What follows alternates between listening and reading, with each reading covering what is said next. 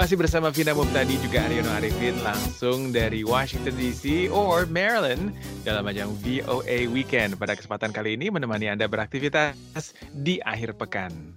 Ya, betul sekali. Nah, bagi pendengar yang mengikuti mengenai perkembangan Black Lives Matter movement di Amerika ataupun di seluruh dunia, tentunya mm -hmm. mengetahui beberapa perkembangan terbaru bahwa sekarang kan banyak uh, aktivis-aktivis uh, yang menuntut dirubuhkannya patung-patung konfederasi gitu kan misalnya.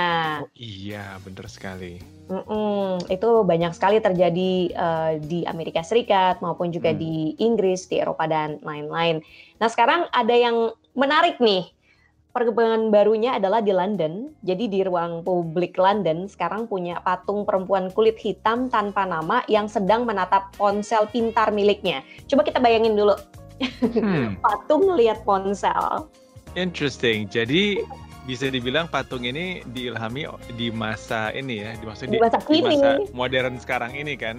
iya, karena zaman dulu mana ada kan ponsel ya iya. kan. Karena nah. zaman dulu pun kalaupun ada ponsel uh -huh. itu ditatap bukan untuk di untuk ya, bukan untuk komunikasi apa chatting ataupun juga browsing loh enggak loh. Ditatap tuh mungkin karena rusak. Mana ini kok nggak jalan-jalan gitu kan. Iya, sebelum akhirnya dibanting. Nah, nah, jadi patung ini dianggap sebagai patung ketiga perempuan berkulit hitam di seluruh Inggris dan muncul pada saat kota-kota di seluruh dunia menilai kembali hubungan mereka dengan patung dan tokoh-tokoh sejarah yang digambarkan. Langsung aja kita dengerin Metrini Giovanni dengan laporannya. Di sebuah taman di kota London terdapat sebuah simbol baru pemberdayaan dan makna keberagaman. Bagian dari pameran patung The Line di tempat umum di London, seniman Thomas J. Price menempatkan sebuah patung perempuan kulit hitam setinggi 2,7 meter yang sedang menatap ponsel pintarnya. A long time ago I realized that sculpture is this sort of official language of of nations, of society. Dari dulu, saya menyadari seni patung merupakan bahasa yang umum dipakai oleh pemerintahan dan masyarakat. Patung secara diam-diam memperkuat struktur kekuasaan. Dengan membiarkan patung itu berdiri, kita seakan terlibat dalam struktur kekuasaan itu sendiri. Price melihat hal yang sangat menarik karena sejumlah patung mulai dilenyapkan baru-baru ini. Ia menilai itu menunjukkan orang-orang sedang berusaha membentuk ide-ide baru, pemahaman baru terkait struktur kekuasaan. In many cases now try and reform different structures. Dalam banyak hal, saat ini upaya mencoba dan mereformasi struktur yang berbeda di dunia dengan berkomunikasi melalui karya seni termasuk patung. Saya sebisa mungkin menampilkan itu dan membuat orang menafsirkan kembali bagaimana kita melihat satu sama lain bagaimana kita bersikap terhadap orang lain. Kota-kota di seluruh dunia menilai ulang hubungannya dengan patung-patung dan tokoh sejarah yang digambarkan.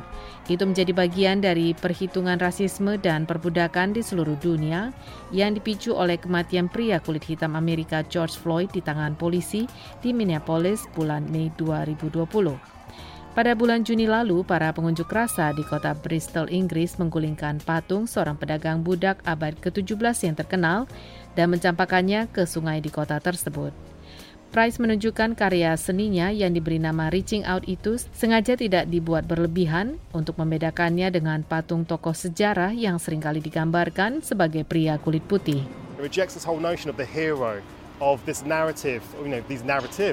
Patung baru ini menolak gagasan terkait pahlawan tentang narasi yang disuguhkan terus-menerus dari masa kanak-kanak hingga kita dewasa, sehingga banyak orang merasa patung pahlawan itu perlu dilindungi. Seniman Thomas Price berharap karya seni fiksi melalui patungnya itu dapat menciptakan realitas dan sejarah orang yang diwakili oleh patung tersebut. Dengan demikian, patung di ruang publik itu dapat membuat kita memikirkan kembali narasi hubungan antar manusia. Karya baru itu ditempatkan pada The Line, sebuah jalan yang dikhususkan untuk seni publik di timur kota tersebut. Direktur Megan Piper berharap patung itu dapat mengirim pesan yang kuat kepada seluruh penduduk Newham, salah satu wilayah yang paling beragam di ibu kota London. And I think that the work, um, you know, says that representation is important, and I think it's important for. Menurut saya, karya seni itu mengungkapkan representasi penting sehingga warga dapat melihat diri mereka tercermin dalam seni. Itu juga menyoroti bahwa seni diperuntukkan bagi semua orang yang merupakan inti dari The Line tersebut, yaitu membawa karya besar dan monumental keluar ruangan, ke lingkungan yang dapat dinikmati semua orang. Wakil Wali Kota Newham, Charlene McLean, dibesarkan di lokasi yang terletak hanya beberapa meter dari tempat patung baru itu dipasang. McLean mengungkapkan tidak pernah menyangka akan ada patung seperti itu ketika ia tumbuh dewasa di sana.